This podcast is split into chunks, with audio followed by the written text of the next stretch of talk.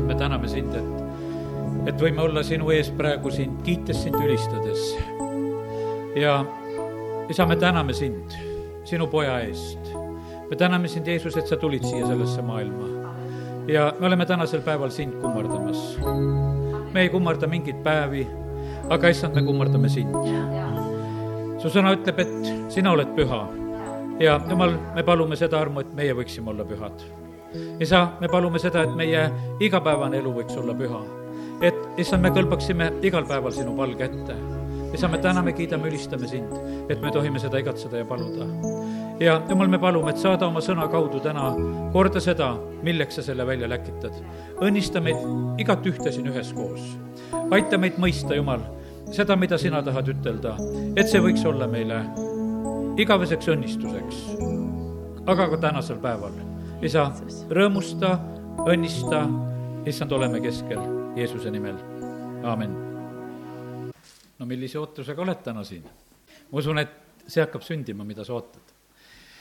sest jumal korraldab niimoodi asju, ta näeb, kui me ootame nagu sellist, et noh, ütleme, et on suur reede ja et saaks lihtsalt nagu kuidagi selle päeva äh, ära tähistada ja, ja ma usun, et vahest võib olla inimestel selliseid mingeid vanu mälestusi, kombeid, asju, mida nad mäletavad, teavad, mida üldse nendest päevadest teatakse. võib-olla on öeldud sedasi, et seal, nendel päevadel peab hästi vait olema ja ma ei tea, on vast kõige tähtsam, kui me oleme täna ka siin koos, jumalale meeldib see, kui oleme väga loomulikult. jumalale meeldib see, et kui meie elu igal päeval on püha, mitte ei ole, et see, et me mõnel päeval aastas oleme vait et siis on nagu asi kompenseeritud. et teistel päevadel kisame, karjume ja riidleme ja õiendame ja siis on niimoodi, et siis võtame kuskil natuke tagasi, ütleme, et nüüd on tasakaal. ei, see ei ole see. ja sellepärast tahaks soovida seda, et täna, kui me oleme siin, siis me, me mõistaksime, et mis on asja tähtsus. kõige tähtsam asi on see, mis on meie jaoks tõesti sündinud ja me tähistame seda suurel reedel. Jeesus on toonud meie pattudest ohvri. jumala sõna ütleb, väga otseselt, et ilma verd valamata ei ole andeks andmist. ja Jeesus on selle vereohvri toonud. ja see on see kõige olulisem ja tähtsam asi, mis on meie kõikide jaoks sündinud.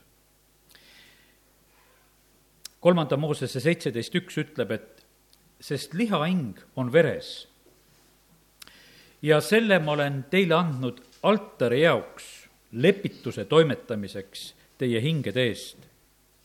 sest veri lepitab temas oleva hinge tõttu. ja järgnevalt ma läheksin Hebra kirja üheksandasse peatükki. ja Hebra kirja üheksas peatükk kirjeldab meile nüüd Vana-testamendi ja Uue Testamendi sellist olukorda, erinevust, mis oli Vana-testamendi ajal ja mida tegi Jeesus. ja katsume seda mõtet tähele panna ja ma loen siit kakskümmend kaks salmi, nii et olge valmis. esimesel lepingul oli oma teenistuse nõuded ning ka maine pühamu. oli valmistatud eestelk, milles oli lambijalg ja laud ja ohvrileivad, seda nimetatakse pühaks paigaks. ent teise vahevaiba taga oli telk, mida nimetatakse kõige pühamaks paigaks, kus oli kuldne suitsutusaltar lepingulaegas, mis oli üleni kullaga kaetud. selles oli, olid kuldkruus mannaga ja Aaroni kepp, mis oli õitsenud ja lepingulauad. selle kohal aga kirkuse keerupid lepingukaant varjamas. Neist ei tule praegu üksikasjaliselt juttu. kui need asjad nüüd nõnda on seatud, siis lähevad preestrid alati küll eestelki ning toimetavad jumalateenistust. aga ainult ühe korra aastas läheb ülempreester teise telki ja mitte ilma vereta, mille ta ohverdab iseenda ja rahva poolt teadmatult tehtud pattude eest. sellega teatab püha vaim, et tee kõige pühamasse paika ei ole veel ilmsiks saanud, nii kaua, kui eestelk püsib seda tuleb mõista viitena käesoleva aja kohta, et annid ja ohvrid, mida endisel kombel ohverdatakse, ei suuda teha Jumala teenijat täiuslikuks südametunnistuse poolest, vaid on seotud toitude ja jookide ja mitmesuguste pesemistega. Need on nõuded ihu kohta, mis kehtivad uue korra ajani. aga kui Kristus tuli tulevaste hüvede ülempreestrina, suurema ja täiuslikuma telgiga, mis ei ole kätega tehtud, see tähendab, ei ole osa sellest loomisest, siis ta läks sisse mitte sikkude ja vasikate verega, vaid iseenda verega, minnes ühe korra kõige pühamasse paika, saavutas ta meile igavese lunastuse. sest kui sikkude ja ärgade veri ja lehmatuhk, mida piserdatakse rüvetunute peale, pühitseb liha puhtuseks, kui palju enam siis Kristuse veri Kristus, kes igavese vaimu läbi ohverdas iseenese laitmatuna Jumalale, puhastab meie südametunnistuse surnud tegudest teenima elavat Jumalat. seepärast ongi tema uue lepingu vahemees selleks, et kustutatud, kutsutud, kui tema surm oli saanud lunastuseks esimese lepingu aegsetest üleastumistest, saaksid kätte igavese pärandi tõotuse kus on testamentlik leping, seal tuleb ju tingimata esitada tõendus tes-, testamenti tegija surmast. sest testament hakkab kehtima öö, pärast surma ega jõustu iialgi, kui testamendi tegija on elus. Seetõttu ei ole ka esimest lepingut sisse pühitsetud ilma vereta. sest kui Mooses oli kõik seaduse käsud kogu rahvale ette lugenud, siis ta võttis vasikate ja sikkude vere koos vee ja erepunase villa ja iisopiga ning piserdas sellega nii seda raamatut kui kogu rahvast, öeldes, see on selle lepingu veri, mida Jumal teile on käskinud pidada. nõnda samuti ta piserdas verega ka telki ja kõiki jumalateenistuse riik, riistu. Moosese seaduse järgi puhastatakse peaaegu kõik asjad vere kaudu ja ilma vere valamiseta ei ole andeks andmist. usun, et püha vaim aitas kaasa, et mõista ühte kui teist asja, mis on oluline, tähtis. Vana-testamendi ajal oli nii, et oli, no ütleme et ohvrite toomisi oli palju ja väga palju. aga üks kord aastas oli selline eriline päev ja see oli see suur lepituse päev, kui ülempreester oli ka alandatud mees, võttis oma uhked riided seljast ära pani linased riided selga ja siis ta läks kõige pühamasse paika lepitust toimetama kõigi inimeste eest. Enda, iseenda ja rahva poolt teadmatult tehtud pattude eest. sellel päeval pidi kogu rahvas ennast alandama, kõik pidid selle asjaga kaasas olema, täna me ei jää nagu seda lugu jutustama, aga see, mis toimus niimoodi üks kord aastas, see ei suutnud mitte midagi rohkem. see suutis nagu katta ainult neid pattusid ja järgmisel aastal jälle pidi minema. võiks ütelda, et see oli nagu üks vilets värv, et, et iga aasta värvi akent üle. jälle kordub maha ja jälle hakkavad, hakkab paistma see, mis seal all on. aga kui ära värvid, jälle ilus. ja niimoodi oli aastast aastasse, tehti suur lepituspäev ära, kõikide südamed said kergendust ja aasta pärast olid kõik jälle valmis, et kuule, et seda on tõesti vaja. las sünnib see päev, alandame oma hinge, palvetame, paastume ja saama oma hingedele jälle hingamist. nii see toimus. aga Hebra kiri, mida me lugesime, räägib sellest, et Jeesus tegi ühe asja ja ainult üks kord. ja kui Jeesus tuleb oma verega, siis ta läheb üks kord sinna kõige pühamasse paika ja saavutab igavese lepituse. Seal ei juhtu mitte see, et meie patud kaetakse, vaid need antakse andeks, need võetakse ära, neid ei ole enam olemas see on täiesti teine lugu. ja me teisiti ei kõlba mitte kuidagi Jumala riiki, me teisiti ei pääse mitte kuidagi Jumala ette, me peame saama pattudest lahti ja selle asjaga peab igaveseks korda saama. ja selle asja on lahendanud meie jaoks Jeesus. ja kiitus Jumalale, et, et Jumal, no see oli tegelikult väga suur selline ettevõtmine ja protsess. patulanguse algusest saadik. naise seemnest tõuseb see, kes maapeo rõhub. Jumal tõotas kohe selle ja see läheb pikaks selliseks ettevalmistuseks. jumal kutsub Aabrami ja valmistab rahvast ette, kuni jõuab see päev, et on valmis see koht ja see aeg, et päästja võib siia maailma sündida. Maarja ja Joosep ja kõik on valmis. ja, ja siis on niimoodi, et ega see Jeesuse elu siin maa peal ju ei ole väga pikk. ja, ja veel lühem on see aeg, kui ta on selle lepituse teinud, siis on kohe minek. nelikümmend päeva veel ilmub ja läheb taevasse. missioon oli täidetud, sellepärast saigi ju tuldud, et see ära teha ja kui see oli tehtud, oli korras. tegelikult oli, kindlasti Jeesusel tõmbas nii võimsasti sinna tagasi taevasse. tema oli taeva au maha jätnud. ta oli sellest kõigest loobunud, et tulla ja elada see üks aasta Siberis, võiks ütelda, nii nagu mõni teeb ja läheb. ja pärast räägib, et kuule, päris tore ka, külm ja paha ka. aga Jeesus tuli. ta tuli siia maailma selleks, et saata korda ja täide see, et päästa inimene. ta tuleb, teeb selle ära ja ta läheb isa juurde tagasi, ta on isa paremal käel see, see muutus tegelikult, mis siin selles maailmas on sündinud selle kaudu, on tohutult suur. ja, ja tegelikult selles hetkes olles inimesed, kes olid ka risti all, Nad ei saanud aru, et nii suured asjad toimuvad. see tundus tegelikult üks selline kaos. see tundus selline, et üks õige inimene saab karistatud. ta oli süüta, talle otsitakse öö läbi süüd, hommikuks leitakse, et ta on pühadust teotanud ja selle eest on paras teda risti lüüa ja see viiaksegi läbi juudid ei taha seda teha mitte ka oma kividega, vaid nad tahavad, et, et Jeesus saaks Rooma seaduse järgi e, karistatud surmanuhtlusega, et ta sureks ristil. Nad lähevad Pilatuse käest välja kauplema, et kuule, see mees tuleb hukata, tee see ära. ja nad suudavad selle asja läbi viia, et sundida rahvast e, selle meelsusega kaasa tulema, sundida Pilatust, et ta tuleks selle asjaga kaasa. Pilatus sugugi ei tahtnud seda asja teha. ta oli sellele vastu, aga hirmu ja kartuse tõttu ta alistus ja teeb selle asja ära ja nii see on.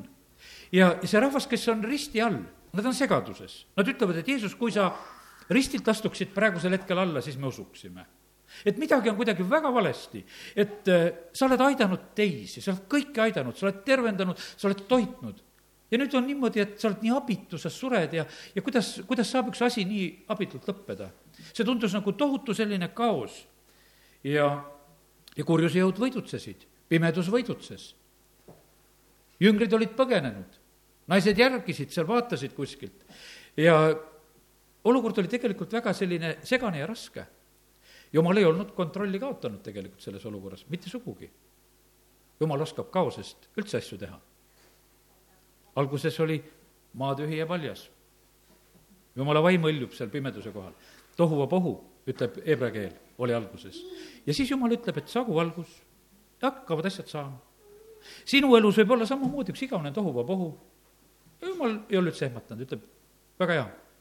ainult kui sa tuled minu vaimupiirkonda, siis teeme uue elu, siit hakkame tegema. ja taevas on üldse kõik need inimesed, kes on sellest tohuvapohust sinna viidud. ja seal on kõik korras, seal elab õigus sees seal on rahu. täna on Ukrainas selline tohuvapohu, kes meist aru saab, mis seal tuleb kuulad, jumala mees jutlustab ja räägib, Dmitri jutlustab, ütleb, et jumalal ei ole tupikuid. aga, aga nüüd, kui me mõtleme seda, no mida saab, kui ütleme, et Ukraina sõjavägi suudab ennast ainult nii palju kaitsta, et ta oma väe osas võib-olla heal juhul saab oma kaitsmisega hakkama, rääkimata sellest, et väljapoole minna korda looma. see on tohuvapohu. see, see ei ole nagu normaalne, aga jumal alati läheb nagu nendest olukordadest edasi niimoodi, et see, see võibki olla täiesti uus pärast, mis sünnib. aga see peabki sündima selliselt. ja sellepärast kurat võidutses, ta mõtles, et kuule, nüüd on käsi käes. Jeesuse tapame ära ka. ja, ja siis on nagu võit käes ja ta tegelikult ei teadnud, et ta saab kõige suurema kaotuse sellel hetkel. vaata, vagade surm on väga ilus, kui nad niimoodi vaikselt ja rahulikult lähevad aga Jeesus sureb kisendades. me tahame, et kui me lähedased surevad, et siis ei oleks sellist, sellist surma, et kisendab ja karjub ja läheb seal. Jeesus hüüab seal Eloi, Eloi ja teised mõtlevad, Eelet kutsub appi ja ta ütleb, mu isa, mu isa, miks sa oled mu maha jätnud? ja siis edasi evangeelium kirjutab seda, et ta kisendab suure häälega ja heidab hinge. ta kisendab suure häälega ja heidab hinge sellepärast, et ta läheb kuradi käest relvasid ära võtma ta tegelikult läheb võitma kuradit, sest kõik ma olen siin suremas küll praegusel hetkel, aga nüüd ma tulen ja ma võtan su relvad. ja, ja see maailm ei ole enam sama pärast Jeesuse surma. sellepärast, et ainult kümme päeva ja siis Jumal annab oma püha vaimu. no me ei suudagi ette kujutada seda maailma ilma püha vaimuta, kes me oleme Jumala lapsed. me loeme piiblit, kuule, see räägib. me tuleme Jumala kotta, saame Jumala puudutust kogeda. Me ei oska ette kujutada seda, et kui püha vaimu ei oleks siin selles maailmas. see on meie jaoks, noh, absurd aga ometigi ennem seda nii oli.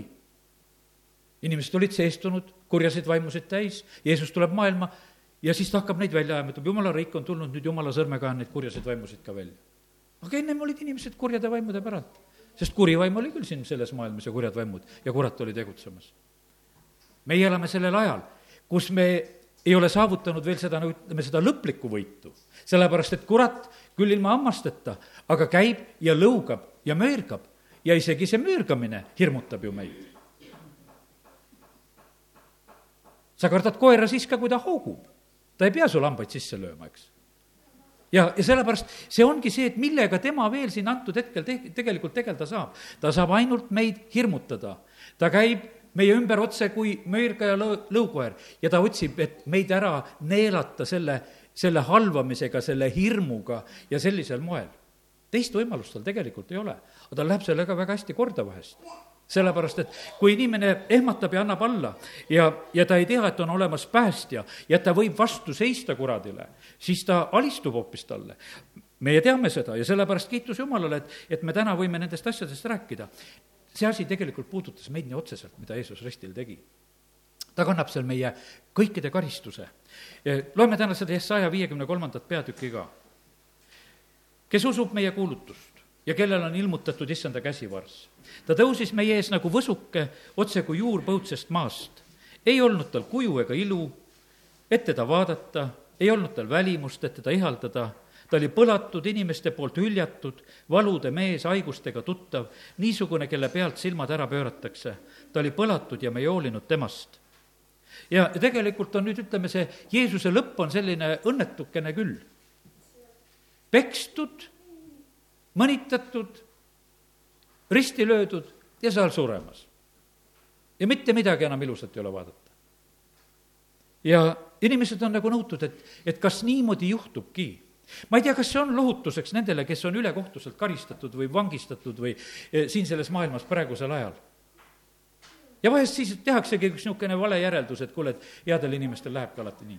ei, see ei ole nii Jeesus oli ühel teisel eesmärgil. tema kandis meie patukaristust.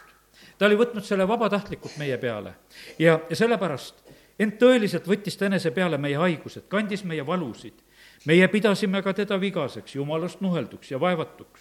ent teda avati meie üleastumiste pärast, löödi meie süütegude tõttu. karistus oli tema peal, et meil oleks rahu. Tema vermete läbi on meile tervis tulnud. me kõik eksisime nagu lambad, igaüks meist pöördus oma teed aga issand laskis meie kõigi süüteod tulla tema peale. teda piinati, ta alistus ega avanud suud, nagu tal, keda viiakse tappa, nagu lammas, kes oli vait oma niitjate ees.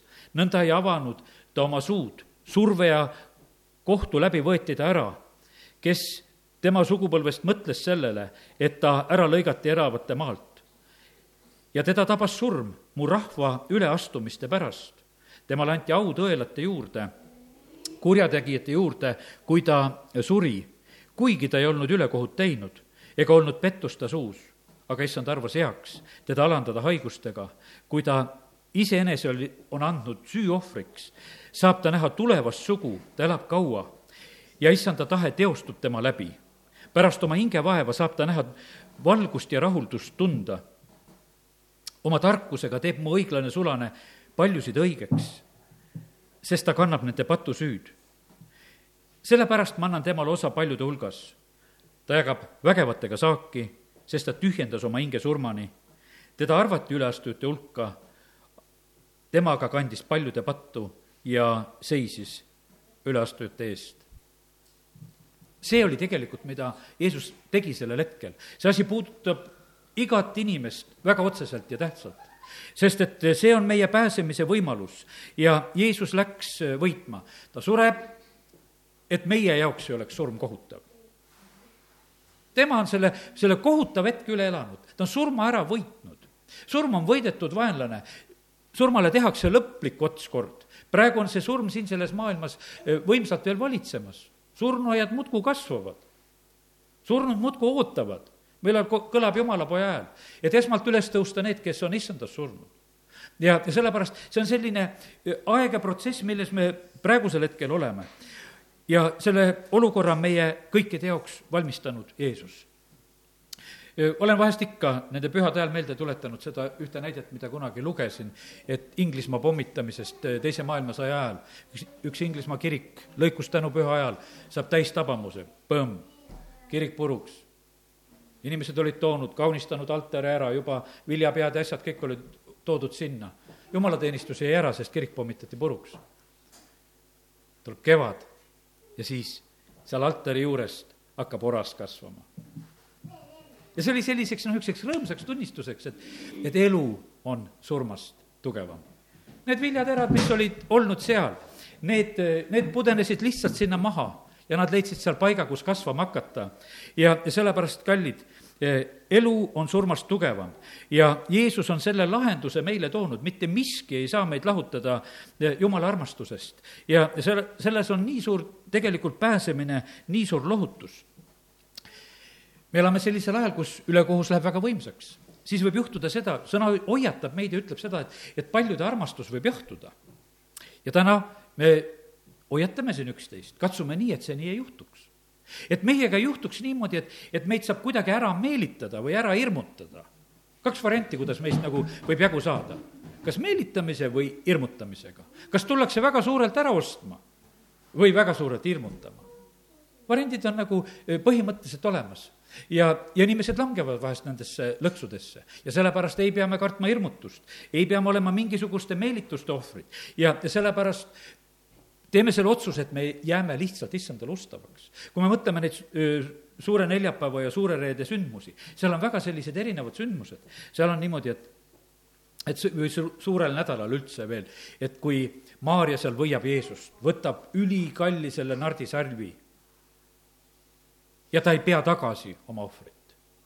ja sealsamas kõrvas on, kõrval on Juudas, kes mõtleb, et palju te mulle pakute selle Jeesuse eest? noh, kolmkümmend hõbetükki saab juurde ka ei kauple. oleks ju suure mehe eest võinud võtta, jah, eks Vana Testament juba oli pannud hinna paika ka. ja ega midagi teha, aga ta lepib sellega.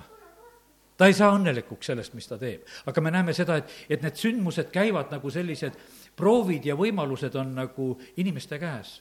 järgmisel hetkel on, ütleme, juuda ots on ju nii õnnetu, läheb viskab need rahad templisse tagasi ja poob ennast üles ja ja sõna ei ütle, et kuule, et igal pool, kus evangeeliumi kuulutage, et rääkige juudest.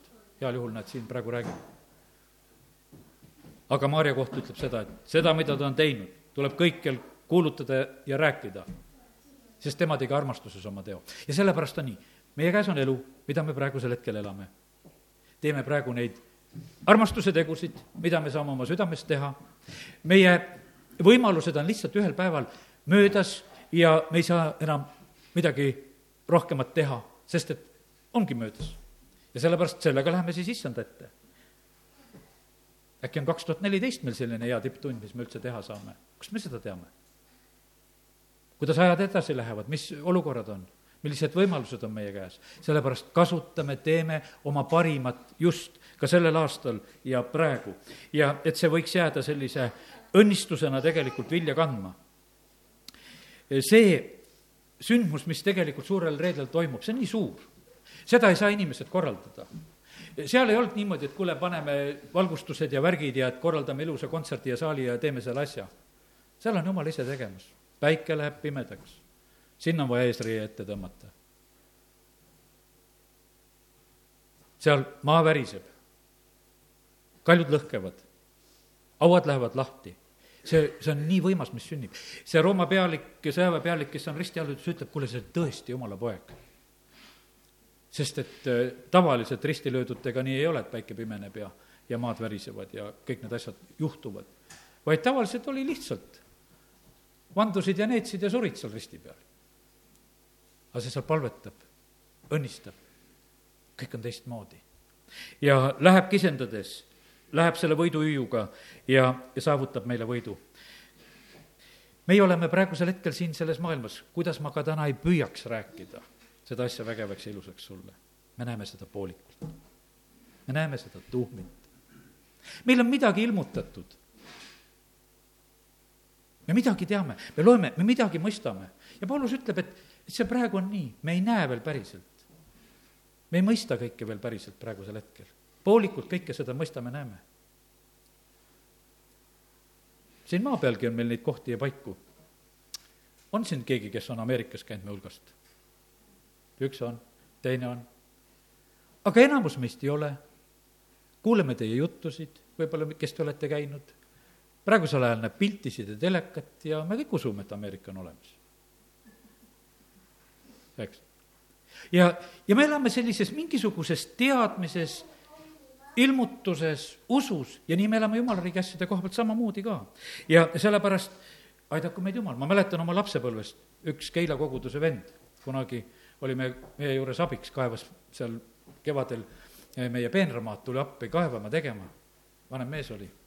ja siis räägib mulle, ütleb, tead, ma olen viiskümmend kilomeetri bussiga jutti sõitnud. see oli tema suur saavutus elus. Elas Keilas, ma ei tea, rongiga vast Tallinnasse käis ja, ja see oli kakskümmend viis kilomeetrit. aga elus oli suur sündmus ka olnud, et viiskümmend kilomeetrit sõitnud. mina kuulasin lapsena, mõtlesin, on aga väga lugu küll, jah. aga nii piiratult me tegelikult elamegi siin selles maailmas. sellises igaviku mastaabis, me Ameerikas käigud ja kõik asjad, need on tühised. Need on nii tühised ja sellepärast, kallid, me niikuinii kujutame nii pisut ette sellest, mida Jumal üritab meile oma sõna kaudu avada.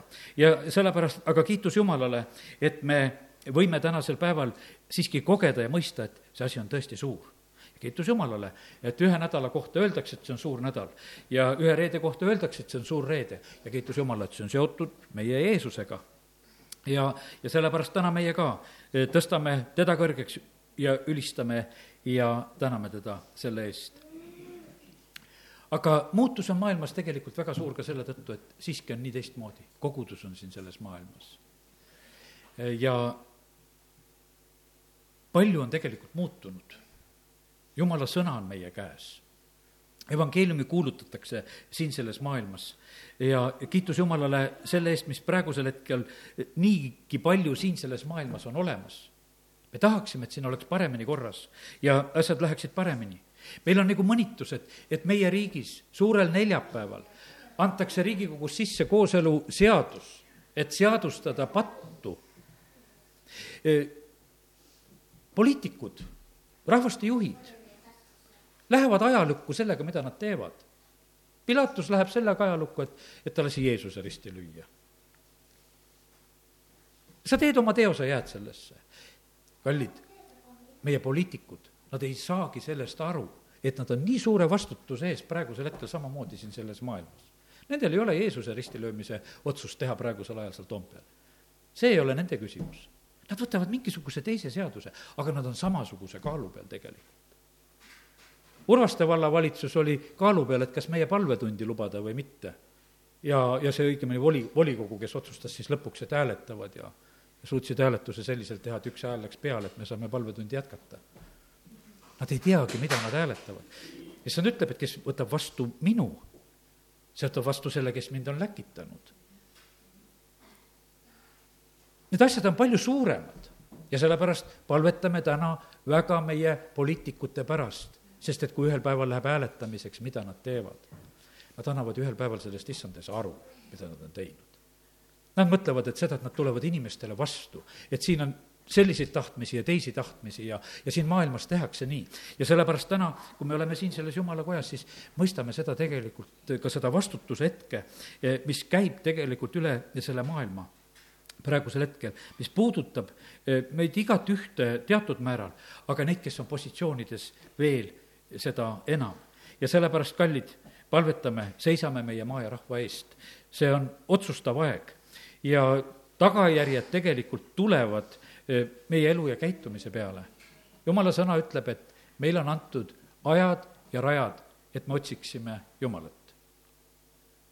aga kui me teda ei otsi, siis meil neid aegusid ja radasid ei ole vaja sest jumal annab ühes, ühel eesmärgil. ja mitte selleks, et inimesed siin pattu teeksid ja et patt paljuneks. ja sellepärast seisame issand ees kindlalt. Hiop on oma kannatuste keskel ja ta ütleb, et ma tean, et mu lunastaja elab ja jääb viimsena põrmu peale seisma sellepärast me vajame sellist, sellist usku siin selles maailmas, et, et olgu, mis on, olgu, mis olukorrad on, aga me teame sedasi, et me, Jumal elab. kõik on korras Jumala poolt ja, ja sellepärast me võime nagu üksteist tänasel hommikul lihtsalt kinnitada, et kõik on hästi. Ma sellel aastal olen mitmel korral nagu märganud lihtsalt autoga sõites äh, rändlindude parvesid. ma ei tea, kas nad tulevad kuidagi kauem või kuidagi rohkem neid näed. jälle sõidad ja jälle vaatad, jälle tuleb mingi rändlindude parv ja tulevad ja, ja lendavad. jumal on pannud linnud ka siin selles maailmas niimoodi kokku kogunema et nad lähevad ja lendavad nende eesmärkide poole, mis siis on nendel kevadel ja sügisel määratud ja kallid, olgu see nii, et meie jumala lastena, et, et lihtsalt oleme kogutud sellesse parve. Saame julgustust, lendame edasi, läheme eesmärgi, märgi poole, milleks issand on meid e, kutsunud. inimesed tahavad e, vahest asju teha värvilisemaks, kui jumal neid teeb. jumal on tegelikult kõik värvid siia maailma loonud. aga meie evangeeliumi kuulutusega ollakse vahest hädas, et meil on see liiga mustvalge. me ütleme, et seda, et kas elu või surm, üks või teine aga issand ütleb seda, et ma panen su ette elu ja surma. õnnistuse ja needuse. ja ta ei pane siin mitte mingisuguseid rohkem värve juurde. ütleb kaks, kaks võimalust. ja meil on üks päästja, keda me kuulutame. väga kitsaks läheb see asi. ja sellepärast täna, eh, kui oleme siin, siis me tegelikult räägimegi sellest ühest päästest. Eh, Jeesusest Kristusest. tema on meie päästja, kelle kaudu on meie pattude andestus. ilma verd valamata ei ole andeks andmist ja Jeesus on oma vere valanud ja meie kõikide patud saavad lunastatud, kustutatud, neid enam ei ole, kui me paneme Jeesuse vere alla. Kiitus Jumalale selle eest. jah, kui Jeesus on seal oma jüngritega paasasöömaaja lauas, ta seab oma surmamälestuse, jüngrid ei saa kindlasti sellel hetkel kõigest sellest asjast aru, mida ta seal teeb. Nad laulavad kiituslaulu Nad lähevad välja, Jeesus palvetab. jüngrid ei saa ka sellest aru, et on siin vaja praegu palvetada nii palju või ei ole. magavad seal. Ja siis on järgmine hetk, et kuule, tõuske nüüd ülesse. et nüüd on aeg ärgata. nüüd on asi selline, et, et meid piiravad kuussada meest ainult. ja tõrvikute ja nuiade ja mõõkadega ja, ja nüüd inimese poeg võetakse kinni. Peetrusel oli oma mõõk, püüdis midagi teha, Jeesus ütleb, pane mõõk tuppe. sellest ei ole asja. ma võiksin praegu paluda oma käsutusse need seitsekümmend kaks tuhat inglit. aga seda praegu ei toimu. sest ma lähen, sest ma lähen täitma tegelikult seda kõige suuremat ülesannet ja missiooni, mis on vaja teha. ta läheb ja täidab selle. ja tegelikult Jeesuse lugu lõpeb siin maailmas praktiliselt sellega. ta ilmub, ta räägib sellest Galileast veel, ütleb, et, et noh, et pärast ülestõusmist minge Galileasse, seal oli selle viiesajale mehele koosolek veel, kohtumine. Ja siis Jeesus lahkub. ja sellest ajast saadik see maailm elabki ainult selles usus, mida me täna niimoodi kuulutame ja räägime, loeme ja ootame Jeesust. ja kui Jeesus läheb taevasse, inglid ütlevad seal, et see Jeesus tuleb samal kombel. nii nagu ta läks. ja selle, sellepärast oleme meie täna siin ka ikka, ikka selles ootuses, et Jeesus tuleb. ja kiitus Jumalale, et, et täna oleme võinud nendest asjadest rääkida. aamen. Me tõuseme ja oleme palves. taevane isa, me täname sind, et sa oled oma poja saatnud ja me täname sind, Jumal, et tänasel hommikul me võime siin üheskoos meelde tuletada, Jeesus, sinu surma ja kannatust, mida sa tegid meie eest. sõna ütleb nii selgesti, et teisiti me ei saaks oma pattusid andeks, kui sina, Jeesus, ei oleks oma verd valanud. aga me täname sind, et sina seda tegid. Sa tegid seda oma elu hinnaga, sa olid valmis kandma meie patu, meie haiguse, kogu meie needuse, mis iganes meie elude üle siin maailmas võib olla. jumal, me täname sind selle eest ja ma palun, Jumal, et me oskaksime sellel aastal kaks tuhat neliteist vastu võtta neid õnnistusi väga võimsalt. pattude andestust, tervist ja, ja õnnistust, mida sina, Jeesus, oled toonud pääste kaudu meie jaoks. Jumal, me palume, et me oskaksime seda kuulutada ja avada veel paljudele inimestele ümberringi. me palume, kallis püha vaim, aita meid selleks kaasa.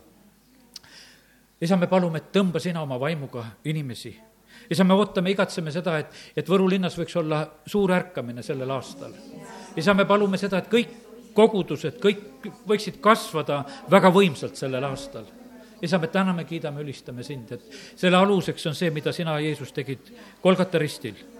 ja me täname sind, Jumal, et igaüks, kes appi hüüab issanda nime, see, see päästetakse isa, me tahame seista usus eh, siin, selle linna rahva ees sinu ees, me tahame seista usus selle maakonna rahva eest. me tahame seista oma lähedaste naabrite, töökaaslaste, issand inimeste eest, kes on meie ümber. me täname, kiidame, ülistame sind, et, et evangeeliumis on vägi päästeks igale ühele, kes usub. isa, kiitus ja tänu ja ülistus sulle. me täname sind, Jumal, et, et meil ei ole mitte mingisugune moraaliõpetus, vaid meil on see päästetee, meil on võimas evangeelium, eh, meil on isik keda me austame, ülistame. me täname sind, Jumal, selle eest. me kiidame, ülistame, austame sind tänasel hommikul. kiitus ja tänu ja au su pühale nimele, aamen